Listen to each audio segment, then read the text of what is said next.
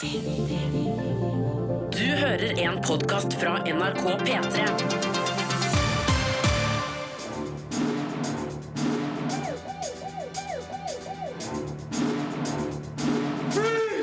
Filmpolitiet! What's your name, dude? Birger Vestmo. What kind of stupid name is that? Get Out er en morsom og original skrekkthriller. Anders Baasmo Christiansen spiller mesterlig i Hoggeren. Hjartastein er en nydelig oppvekstskildring fra Island, og det her er filmene som anmeldes i dag. Vi har også sett all påskekrimseriene. Vi har sett de to første episodene av Prison Break sesong 5. Vi har testa PlayStation-spillet Persona 5, og Kristoffer Hivju skal avsløre hvilken filmstjerne som hadde den største traileren på settet til neste ukes premierefilm Fast and Furious 8. Filmpolitiet På P3. Filmpolitiet anmelder film. Do they know I'm black? Should they? You might wanna, you know. Mom and Dad, my black boyfriend will be coming up this weekend. I just don't want you to be shocked that he's. Get Out er en skrekkthriller med satiriske innslag, der stemninga og kontekst er viktigere enn effekter og enkel skremmetaktikk. Manusforfatter og regissør Jordan Peel tar seg god tid til å bygge opp en skummel atmosfære, der uhyggen ikke skapes ved å rope bø, men kommer krypende sakte, men sikkert gjennom smart historiefortelling. Resultatet er en morsom, spennende og original film med sterke undertoner av problematikk rundt rasisme og diskriminering. Call me Dean and you're hungry. So how long has this been going on? This, this thing. Chris Washington, spilt av Daniel Kaluuya, skal møte familien til kjæresten Rose, spilt av Alison Williams, for første gang. Han er spent på hvordan de vil reagere, siden han er sort og hun er hvit, men han mottas med åpne og fordomsfrie armer av både pappa Dean, spilt av Bradley Whitford, og mamma Missy, spilt av Catherine Keener. Etter hvert legger han merke til at hushjelpa Georgina, spilt av Betty Gabriel, og gartneren Walter, spilt av Marcus Henderson, som begge er afroamerikanere, oppfører seg merkelig. Roses bror Jeremy, spilt av Caleb Landry Jones, dukker også opp med en besynderlig oppførsel. Alt er kanskje ikke slik det ser ut til å være på eiendommen. Get out. Sorry, man. Get out! Yo! Jordan Peel bygger opp atmosfæren i filmen med beherska tålmodighet. Det er likevel noen små tegn på at noe er galt et sted, og hintene blir stadig flere og sterkere. Når ting begynner å skje for alvor, har man nok allerede skjønt litt av tegninga. Den store sammenhengen bak det hele er imidlertid vanskeligere å forutse, da den er tufta på elementer som beveger seg et stykke utenfor det realistiske, men som hører hjem i sjangeren. Get Out føyer seg inn i rekka av nye smarte skrekkthrillere, som for eksempel The Kill List, It Follows, The Babadook og Green Room. Jordan Peel har med sin debutfilm greid å skape effektiv spenning, som samtidig er en kommentar til det betente forholdet mellom sorte og hvite i USA. Get Out både skremmer deg og gir deg tankegods.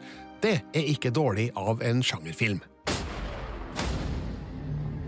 If there's too many white people. Terningkast fem. P3. Kollega Sigurd Vik har kommet inn. Eh, Vi skal snakke om noe, Sigurd. Vi skal det. Skal vi gi publikum et lite clou på hva vi skal snakke om? Absolutt. Her kommer clouet.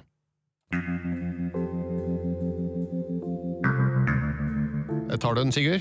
Eh, ja, jeg gjør det. Fordi det her er noe av den mest ikoniske og mest fantastiske seriemusikken jeg vet om. Eh, det er musikken til Twin. Det er riktig. Og nå er det slik at det er viden kjent at en sesong tre er på vei. Den har premiere 21. mai i USA. Det vi ikke har visst, er når og hvor Twin Peaks sesong tre blir vist på TV i Norge. Men nå vet vi det, Sigurd. Nå vet vi det. Er det sånn som vi skal dele med dem som hører på nå? Jeg foreslår det. Ok, da. Dagen etter den amerikanske premieren, den 22. mai, på HBO Nordic, er Agent Dale Cooper tilbake på norsk skjerm. Herlig. Herlig. Dagen etter USA så er det bare å sette seg ned foran TV-apparatet og se hva som skjer videre i denne serien. Ehm, det har jo vært eh, ganske åpenbart at noen kom til å sende det her, men det har ikke vært avklart eh, hvem før nå klokka 11, for da gikk HBO Nordic ut med en pressemelding som eh, ja, beroliga alle Twin Peaks-fans eh, der ute. Ja, det er en sånn, eh, som du sier, man visste jo at det måtte, det måtte jo bare komme, men all den tid det ikke er bekrefta, så sitter man med en sånn her åh, kan det bli liksom tre måneder å vente? Eller altså, øh, øh, kan ingen ha råd? Altså, det er jo litt sånn Oscarshowet, det er jo ingen som sender lenger i Norge fordi det er så utrolig dyrt. Kan Twin Peaks ble den der gigadyre serien som Netflix og HBO og TV2 bare sånn Nei, nei, nei, ikke med ildtang, det der er altfor, altfor dyrt. Men uh, si, kost på oss en takk til HBO Nordic, rett og slett, bare for å sørge for at den får vi. Vi får gjøre det. Eh, En ting jeg merker meg i pressemeldinga, er at det står jo da antallet episoder og lengde. Og det er altså da 60 minutters episoder, og det er hele 18 episoder. Ja, og for dem som blir litt bekymra nå, eh, det kan jeg forstå, fordi første sesongen, som var knallbra, var jo bare på seks episoder. Ja. Mens andre sesongen, som kanskje ikke er alles favoritt, sjøl om vi liker den begge to, Birger, Vi gjør det. eh, den var litt lenger. Så det det her var vel 22 episoder, Ja, tror jeg det det var var- i sesong to. det var noe sånt. Så, så dem som blir litt sånn Oi, kunne dere bare holde på sånn miniserie og Damn Fine Coffee og Damn Good Pie og sånn, og ikke strekke det ut? Men, men eh, de har vel lært, og, og David Lynch er jo veldig med nå. Det er jo hans visjon der. Ja, Men 18 episoder er veldig mye, altså. Ja, det er mye. Så, eh, Og det er jo bra. Ja, det er jo bra. Ja. Men samtidig så ligger det her i bakhodet at eh, sesong to var kanskje dobbelt så lang som den behøvde å være. Eh, strekker de eh, strikken litt for langt her nå, eller har de nok kjøtt på beinet til å gjøre eh, sesong tre og Twin Peaks til en eh, herlig lang serie-binge-opplevelse for oss? Eh, Det eneste vi vet om sesong to, sånn, nei, tre, sånn, egentlig, er at det skal være en odyssey. Altså det skal være Agent Coopers odyssey back to Twin Peaks. Det har eh, presidenten i, i Showtime sagt. Og en odyssé det er jo uh, en ganske omfattende greie. Det er jo ikke gjort på et par episoder. Så jeg tenker hvis de skal virkelig gjøre det episk og, og storslått, og det skal være en lang og, og plot-twistende reise, så, så tenker jeg kjør på med 18 episoder. Datoen igjen, sa du? Eh, 22. eh, mai, den femte måneden i året. Nemlig. Men det er flere TV-godbiter i vente før den tid. Vi står jo nemlig foran påska, og du, Sigurd, har sett all påskekrimserien. All, faktisk. Jeg har sett alt. P3. I like young men. I like their company. My wife. I was with her. I knew he had done something terrible. You're a liar. Why are you lying? Det her er lyd fra en av årets påskekrimserier. Du, Sigurd Vik, har sett alle sammen. Eh, altså, hvor mange snakker vi om her? Vi snakker fem påskekrimmer på lineær TV, typ NRK og TV2. Og det her var da lyden fra Agatha Christie-variantene, for det er selvfølgelig en Agatha Christie inni her. TV2 sender en nyinnspilling av Vitne, en av hennes noveller, som er den beste påskekrimmen folk har i vente. Begynner ikke før på langfredagen, men det her er top notch. Skurker kjent fra Sherlock og veldig britisk med tåke og mordetterforskning og alt vi liker veldig godt. Eh, Så viser TV2 også en annen en som heter Apple Tree Yard, som begynner nå på mandagen. Ganske frisk psykologisk thriller som handler om et utroskap som ikke går helt som det skal. Også en god serie. eh, Fin for dem som syns at eh, Tradd Britt-krimmen blir litt tung, men, eh, men kanskje ikke helt den geniale påskekrimmen sånn for meg som liker den mer etterforskningsbaserte vrien. Eh, NRK Ja, våre arbeidsgivere. ja, de går for tradisjon og britisk og oppfølger eh, i år. Tre påskekrimmer begynner allerede på mandagen med Nedgravde hemmeligheter sesong to. Sånn Cold Case Unit som etterforsker gamle drapssaker. Den ble vist i påska i fjor, sesong én. Følger opp nå. Unge Inspector Morse, for dem som er glad i den slags. Ja. Sesong fire. ja, litt mer sånn bakpå, gammelt, eh, Ja, det er jo det. tradisjonelt. Litt hippieopplegg i en av episodene med et rockeband, så dem som har lyst til å se litt sånn syretripp og, og veldig sånn pekefinger om LSD, kan sjekke ut uh, Unge Inspector Morse. Men det her er jo kvalitet, Birger. Ja. Det er jo skikkelig sånn britisk uh, detektivgreie, det her. Ja, Det er kanskje litt sånn som publikum forventer. Det skal være litt sånn gammelt uh, i påska. Sånn Inspektør Dalgleish-lignende, for de som husker han. Ja, det her, NRK går virkelig for hyttepublikummet, for å si det sånn, i år. Og så avslutter de da på tampen av påska med Broadchurch sesong tre, som da er nok en oppfølger på en serie som folk liker veldig godt, og som følger med på. Denne gangen ikke et uh, nytt drap. i hvert fall Jeg har ikke sett hele den sesongen, for den er ikke ferdig ennå i BBC, men de episodene jeg har sett, så ser det ut til at det er en voldtektsmann på ferde i byen. Og det er jo byen og karakterene som er Broadchurchs store styrke. Ja. Er, det noe, er det noe som strømmes, da, som man kan uh, se på? Ja, ja, ja. Folk er moderne, vet du. Så uh, Discovery, altså dem som har TV Norge og Max og Fem og Vox og alt det her, de gir ut påskekrimmen sin bare på deres strømmetjeneste Dplay. Det er en dansk serie som heter Gisseltagningen, som er litt mer amerikansk i stilen, som handler om terrorisme i København. Og akkurat som med Valkyrien så går også danskene ned i T-banesystemet sitt, eller uh, undergrunnsbanen, uh, hvor det da er en gisselsituasjon. Så den er ganske spennende, men mer sånn actiondrevet krim, det her. Og så kommer på Viaplay, uh, strømmetjenesten, så kommer Black Widows sesong to nå på skjærtorsdag. Det er da Peter Stormare, Synnøve Makode Lund, den her tre kvinner som drepte sine ektemann. Litt sånn krimkomedie, sort type, i sesong 1, og det fortsetter i sesong 2. Så hvis du likte sesong 1, så får du mer av det samme nå, altså. Filmpolitiet. Dette er P3. Filmpolitiet anmelder film. Ja, det var en uh, mann jeg nesten ikke kjenner da. Oi sann, der fikk du den. Ja, det er lenge siden.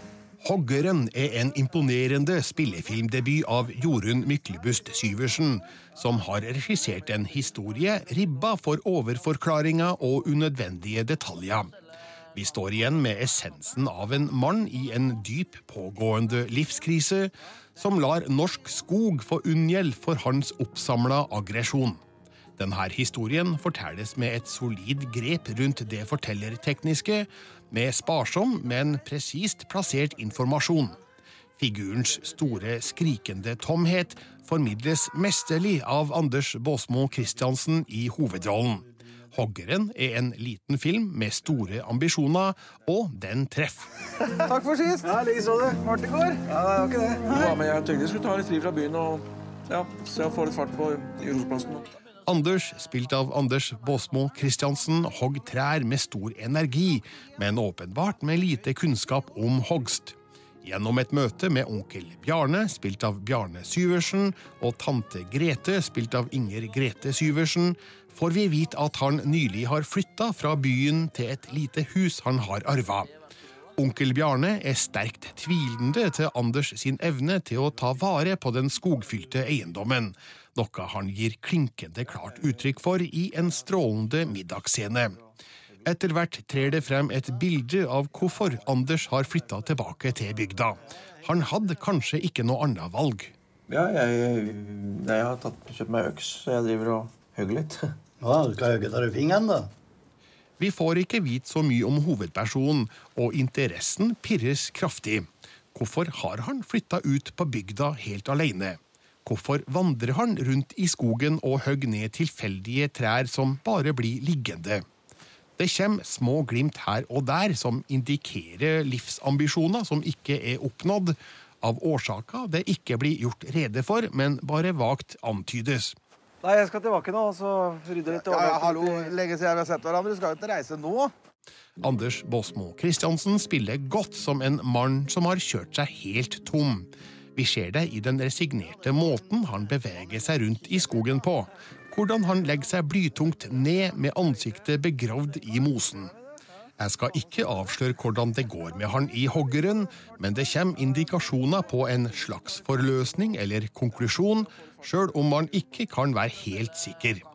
Det man kan være sikker på, er at Jorunn Myklebust Syversen har regissert en film med et særegent uttrykk, godt skuespill og en i positiv forstand underfortalt historie som skaper rom for tolkning. Men her passer du visst ikke. Du greier ikke finne det til rette. Jeg skjønner at man må gjøre akkurat som alle andre gjør. Det Nei, da, du må ikke gjøre som andre gjør, men du må gjøre som folk. Terningkast fem Filmpolitiet. på P3. I dagens premierefilm 'Hoggeren' er det skuespiller Anders Baasmo Christiansen som bærer mye av filmen alene med øks foran kamera. Han spiller altså da en rollefigur som sliter med både seg sjøl og forholdet til omverdenen. Kollega Sigurd Vik har møtt regissør Jorunn Myklebust Syversen og spurt hun hva slags kvaliteter det er Båsmo Christiansen har som skuespiller som gjorde at han fikk rollen som hoggeren. Nei, jeg tenker at han har en sånn evne som skuespiller til Uansett hva slags karakter det er eller type film, så har han en sånn evne til å få en til å kjenne seg igjen da, i den karakteren han eh, viser oss. Så det tror jeg er, Og at han har en sånn egenskap ja, det, oppleves veldig autentisk. Han oppleves som en veldig eh, Veldig naturlig på film. Jeg skjønner at man må gjøre akkurat som alle andre gjør. Det- Nei da, du må ikke gjøre som andre gjør, men du må gjøre som folk. Var var det en rolle du skrev med han i tankene, eller var det en rolle du tenkte at kunne passe han? Nei, jeg hadde nok begynt på ideen før jeg tenkte at han kunne passe. Men når det ble Når vi kom inn i Nye veier til kortfilm og liksom skulle begynne å sette i gang, så kom han tidlig inn som en tanke. Og da tenkte jeg at eh, det kunne ikke være noen andre, egentlig. Når jeg først hadde landa på den tanken. Dagsår på hendene og sånn, det er sånn bare lyst på, eller? Ja, og så ble det jo mer og mer sånn at vi tok inn over oss eh, det sikkerhetsmessige og eh, liksom produksjonstekniske forholdene i forhold til øks, da. Så han fikk lov til å hogge mindre og mindre utover. Så det, han ble nok ikke så veldig Jeg tror ikke han ble så sår i henda som Anders i filmen, da.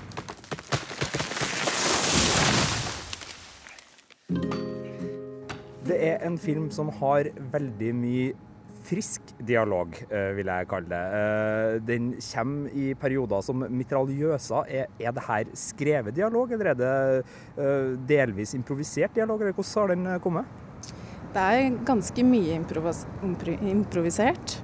Men det er et manus der som jeg skrev, og jeg utarbeida det egentlig ut fra de stedene jeg oppsøkte og de personene som skulle være med i filmen. Så når vi gjorde det til uh, piloten, så hadde jeg et utgangspunkt for noe dialog som jeg skrev inn i manuset. Uh, men til tante og onkel f.eks. i filmen, så var det viktig, ettersom de er amatører, så ville jeg at de skulle slappe mest uh, mulig av da, og ha minst mulig å tenke på. Så jeg ga dem mer rammefortellinga. Fortalte Ja, vi satte oss ned, de fikk lese akkurat den scenen de skulle gjøre, og få noen instruksjoner i forhold til det. Men utover det så ville jeg ikke fortelle dem så mye, for jeg ville de skulle slappe av.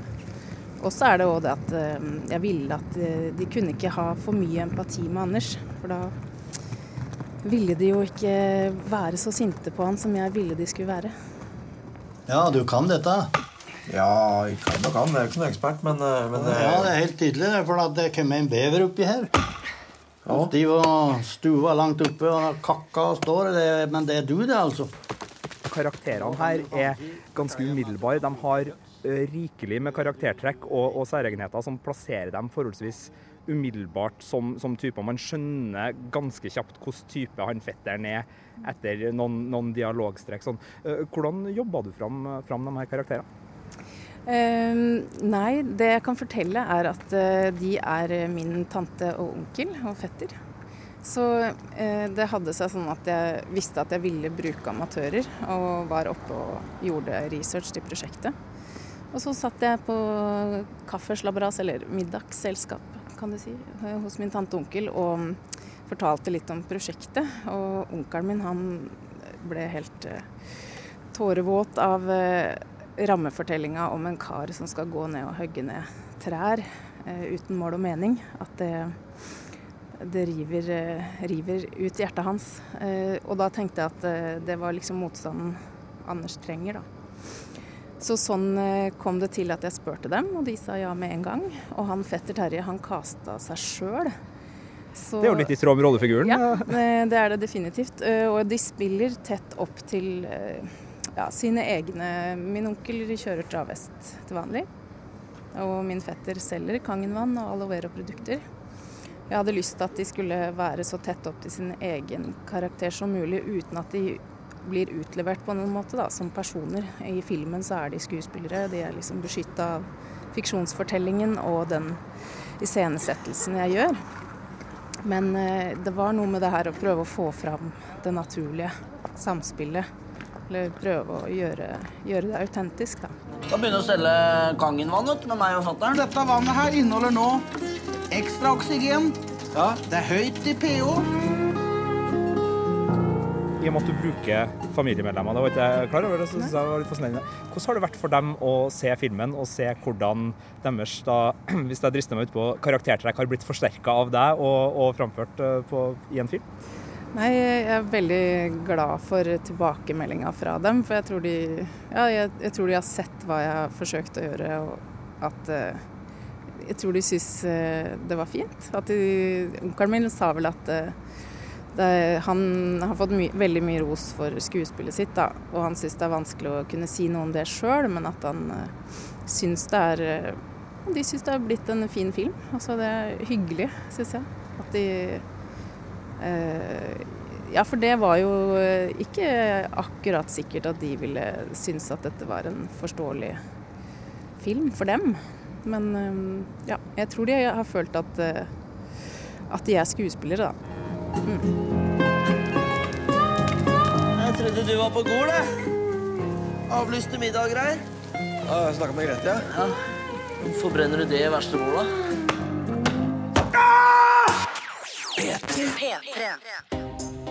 Nå er mine kolleger Sigurd Vik og Fredrik Skaget Øyen i studio, fordi vi har en del interessante filmnyheter som har eh, tikka inn. Eh, Sigurd, hvor skal vi starte? Vi kan starte eh, med en norsk regissør i det store utland. Joakim Rønning, snart aktuell med Pirates of the Caribbean-film. Nummer eh, fem i rekka, er det vel? Ja. ja. han ryktes å ha en annen stor og spennende sak på gang. Det er Empire, det her britiske filmnettstedet, som melder at han muligens skal da regissøre en film som heter Mikro, som er basert på ei bok eller novelle av Michael Christian, eller Crichton, eller Er det ikke Crichton? Crichton. Av mannen bak Jurassic Park og Westworld, bare for å name-droppe et par godbiter han har skrevet. ja. er da en litt sånn her kjerrie krympet barna-sak, eh, visstnok om et eh, vitenskapsanlegg som krymper en gruppe mennesker og sender dem ut i regnskogen, hvor de skal bruke sine instinkter for å overleve. Høres kult ut. Hva syns du, Fredrik? Jo, altså, så lenge det er Jeg regner med at det blir litt mørkere enn Kjære vi krympet bla, bla. Den er ganske mørk, altså. Det er maur på størrelse med mennesker der. Har du sett den? Den er kjempeskummel! Nei, men hvis, eh, hvis det her blir en realitet, og hvis eh, den nye Pirates-filmen eh, blir godt mottatt, så er det vel grunn til å tro at karrieren til både Rønning og Espen Sandberg are going places. Ja, vi, vi håper det. Det er artig med, med norske. Og for å ta, skal jeg ta unna en norsk nyhet til, en sånn liten en? Gjør det. Det ryktes at uh, Toby Maguire skal debutere som uh, regissør, altså gamle Spiderman Toby Maguire her. Og ikke nok med det, det skal være med Jos, Jo Nesbøs Blod på snø-bok, som han skal lage til film. Kult. Vi skal over til en veteran. Hør på det her. My dear penguins, thanks to Batman, the time has come to punish all of Ok, Hvem hørte vi her, Fredrik? Vi hørte Danny DeVito i filmen Batman Returns fra 1992. Ehm, nå har det seg slik at Tim Burton og Michael Keaton og Danny DeVito, som alle var med involvert i Batman Returns fra 1992, skal lage en ny film. Det er eh, greia, for det ryktes i hvert fall at Michael Keaton nå skal spille skurken i Dumbo. For det her er en live animation eh, Det er en eh, live action-filmatisering av Disneys klassiker Dumbo. Tim Burton er kjent som regissøren her. Danny DeVito skal være med, Colin Farrell skal være med, og nå er da Michael Keaton eh, i hvert fall sterkt rykta og skulle spille skurken her. Så da blir det jo mulig at vi får Danny DeVito kauke til Michael Keaton nok en gang. da. Hvem skal spille Dumbo? Det lurer jeg på. Danny DeVito vil jeg tippe, men eh, ikke basert på noe. Han var jo god pingvin. Det Var han ikke det? Det var han. Da takler han sikkert elefantrollen også. Til slutt, min eh, favorittregissør. En av, en av de i hvert fall, men Ridley Scott er helt der oppe. Eh, snart ja, aktuell med ny Alien-film, eh, Alien Covenant, som kommer i mai. Men han har eh, enda flere planer, Sigurd. Ja, det ryktes at han har eh, veldig lyst til å lage en andre verdenskrig-film som skal handle om The Battle of Britain. Eh, Det er jo en veldig sånn kjent konflikt der tyske og britiske krigspiloter kjemper mot hverandre i den forholdsvis kjente andre verdenskrig. Det er ikke bekrefta, men Deadline melder at han har drevet og kikka på manus og har litt lyst, ja. Ja, Så lenge han orker, så sier jeg vær så god, Ridley, lag film. P3. P3. Vi skal ta med oss en nyhet fra TV-verdenen, hvis vi kan si det. Det er vel kanskje like mye nett-TV-verdenen da, Sigurd? Det er det. Skjermverdenen tror jeg vi da er innafor, Birger. Ja. Takk skal du ha. Det er visst en serie som heter Skam. Ja, Som lages her i P3. Ja. Er visst populær òg. Ja. Folk har jo lurt på liksom sånn, når kommer sesong fire og sånn. Ja, Det har vi svaret på nå. Vi har det. Når kommer sesong fire? Den kommer på mandag. Klokka 13.28, for å være helt nøyaktig på mandag. Da slippes første klipp fra sesong fire. Man kan allerede nå gå inn på Skam-sidene på p3.no og se en teaser. Og eh, nå vet vi også hvem som er hovedpersonen i sesong fire, for det har jo vært eh, diskutert i det vide og brede. Hvem er hovedfigur? Sana er hovedpersonen i sesong fire av eh, Skam. Og det blir også den siste sesongen, Ja. får vi vite her. Det gjør vi. Eh, Det kan være et smart grep. Det er jo som kjent eh, ikke noe dumt eh, å gi seg mens man er på topp, og man kan jo ikke si annet enn at Skam er på topp. Og nå skal jeg tisse litt, for vi skal snart høre om en serie som har en sesong fem, som er en comeback-sesong, som venta i åtte år, og som kom med sesong fem, nemlig Prison Break. Så hvem vet, sjøl om det er siste sesong av Skam, hvem vet? Gå inn på p3.no, se teaseren til Skam sesong fire, og forbered deg til mandag. Filmpolitiet.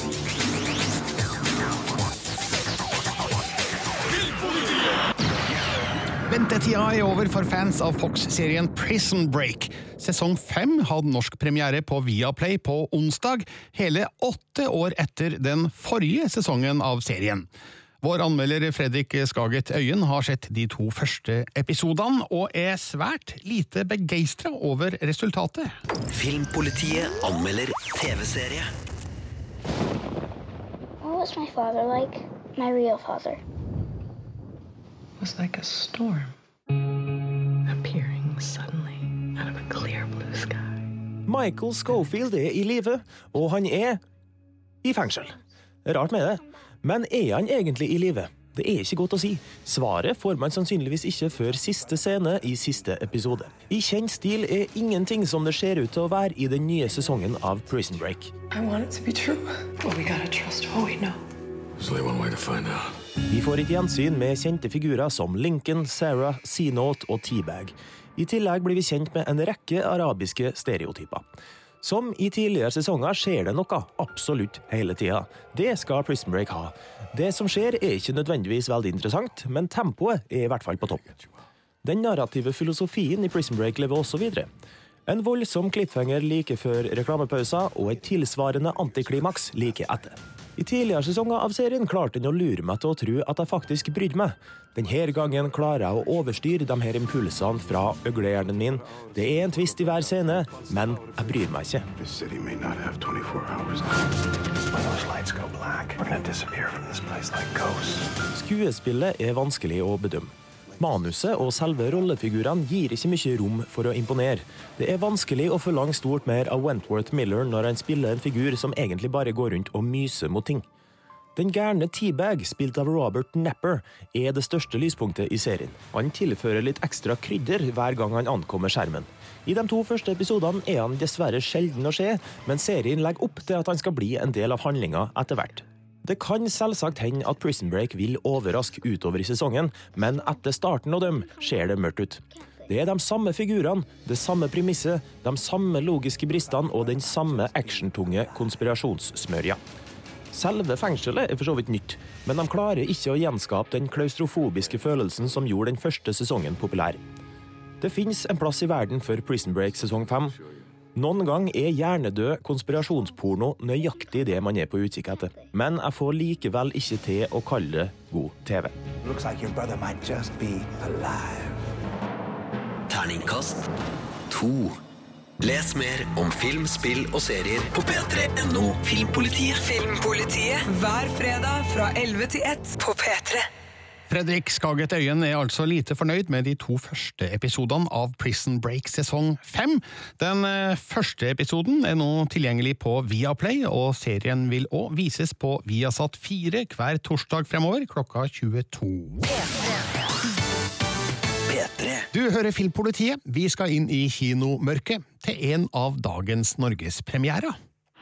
Film Filmpolitiet anmelder film.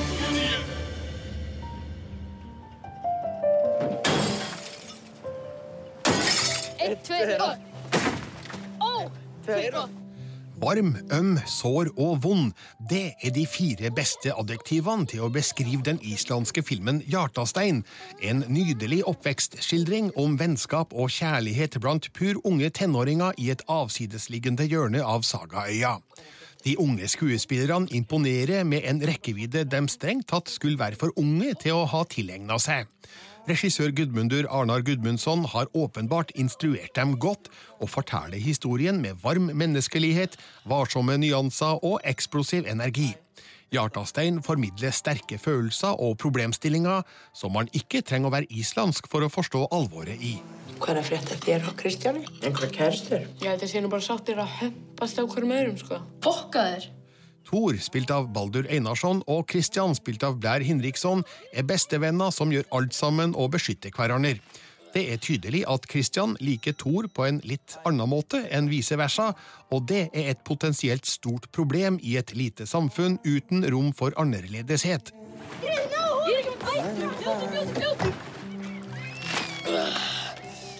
Hjartastein er filma tett på figurene. Hva de tenker og føler, avdekkes for åpent kamera. De forsøker å holde sine sårbarheter skjult for hverandre, men når de er alene, er de lett å lese. Det er imponerende sett i lys av skuespillernes unge alder. Baldur Einarssons rolle er gjennomført dynamisk, kraftfull og omsorgsvekkende. Blair Hindriksson spiller òg imponerende godt som Christian, en ung gutt som ennå ikke har funnet helt ut av sin seksualitet. Kameratskapet mellom Thor og Christian stikker dypt, noe vi ser i flere gode scener med strålende samspill. Hjartastein viderefører elementer fra Gudmundur Arnar Gudmundssons to forrige kortfilmer, som òg omhandla ung problematikk. Den har òg mye til felles med en annen islandsk oppvekstfilm, nemlig Runar Runarssons Småfugler. Begge skildrer ungdommer under ustabile forhold, både hjem og ute i samfunnet på landsbygda, et godt stykke unna Reykjavik, der både mennesker og omgivelser sliter med ringvirkninger etter landets finansielle kollaps i 2008. Det begynner å bli repeterende å si det, men Hjartastein er nok en liten filmperle fra Island. Skoða sem getur að gera! Getur þú verið? Terningkast fem. Les mer om film, spill og serier på p3.no Filmpolitiet. Filmpolitiet. På P3. På onsdag er det premiere på Fast and Furious 8, der hovedskurken spilles av Charlize Theron. Hennes høyre hånd spilles av Kristoffer Hivju. Jeg tok en telefon til Kristoffer i går. Eh, Han befant seg da i Sverige. Nei, nå holder vi på å filme fire nye Beck-filmer med min eh, karakter Steinar Hovland. Eh, og jeg sitter nå i min, min bobil. Eh, du vet, Vi har ikke trailer i Skandinavia, så de må enten ha campingvogner eller bobiler. Og bobiler, det går helt bra. Hadde du trailer på innspillinga av Fast and Furious 8? Ja, jeg hadde en stor trailer der, men det var ingenting i forhold til hva slags trailere Vin Diesel, uh, Dwayne Johnson og Charlie Theron og regissøren Altså, det var en trailerpark som ikke Jeg har ikke sett noe lignende. Det var så mange store trailere at vi, at vi fylte en gigantisk parkeringsplass. Altså, ja, Vin Diesel hadde i hvert fall fire til seg selv, og ett av dem var helsestudio. Så det er klart at eh, det, var, det var, litt, var litt større skala akkurat der på akkurat det. Hvordan var det for deg å komme inn i denne samkjørte gjengen som har holdt sammen over flere filmer? Nei, altså, filmene handler jo dypest sett om familie. At uh, dine venner er din, din, din familie, og at man er villig til å gjøre hva som helst for hverandre, og er lojal inntil døden. Eh, så det er klart at det har jo gjennom 20 år med innspillinger, så har det klart at er, den gjengen er blitt en sammenspeista og, og, og kjærlig gjeng som eh, digger å jobbe med hverandre. Nei, jeg ble tatt veldig godt imot, og jeg hadde en, eh, jeg hadde en veldig fin innspillingsperiode. Og fikk også komme med masse forslag og endte opp på kafé med manusforfatteren for å tweake på manuset. Og, vi, og jeg og Vin Diesel vi har jo noen felles kjærlighet for eh, one-liners. Så det var veldig gøy å sitte og, og, kaste den ene one-liner etter den andre hvor, for å for, å, for, å finne liksom eh, replikker som, som, som smeller. Så, så, så det, det hadde vi mye moro med. Eh, Premieren på Fast and Furious 8 er altså førstkommende onsdag her i Norge, men nå drar du til New York for å være med på noe kult der? Det stemmer. Jeg og Gry, min kone, vi drar til New York i morgen og skal være med på verdenspremieren. Så det kan bli en uh, spektakulær og, og innholdsrik uh, kveld, håper jeg. Uh, så det blir fint å se alle sammen igjen, og bli, jeg gleder meg veldig til å se filmen. Så du vet, jeg hadde, en, jeg hadde en gang en drøm om å kunne se denne eh, Universal-logoen komme før en film jeg var med i. Og første gang jeg hadde muligheten, var, jeg var på premieren på The Swing. Og da var jeg tisset den gangen den kom på. Så jeg fikk, liksom ikke, fikk, ikke, fikk ikke det øyeblikket. Så jeg insisterer nå på å ikke gå og tisse før filmen. Så jeg får med meg Universal-logoen. Det er målet mitt. God tur til New York, Kristoffer Hivju, og takk for at du var med i Filmpolitiet. Takk for det. Ha det godt. You thought this was gonna be a street fight? Filmpolitiet Med Birger med Birger Vestmo. på P3. You're damn right it is. Filmpolitiet anmelder spill. I'll navigate your escape route. Follow my directions. Enemies here? Suspect confirmed. Cuff him. Det japanske rollespillet Persona 5 ble sluppet i Japan i fjor høst, men ble nå på tirsdag gjort tilgjengelig for resten av verden på både PlayStation 3 og 4. Fansen har venta i ni år på det nyeste spillet i denne kultserien, og Fredrik Skaget Øyen, du er i tida Du er i full sving, du, med Persona 5. Er det. Er det. Åssen er det?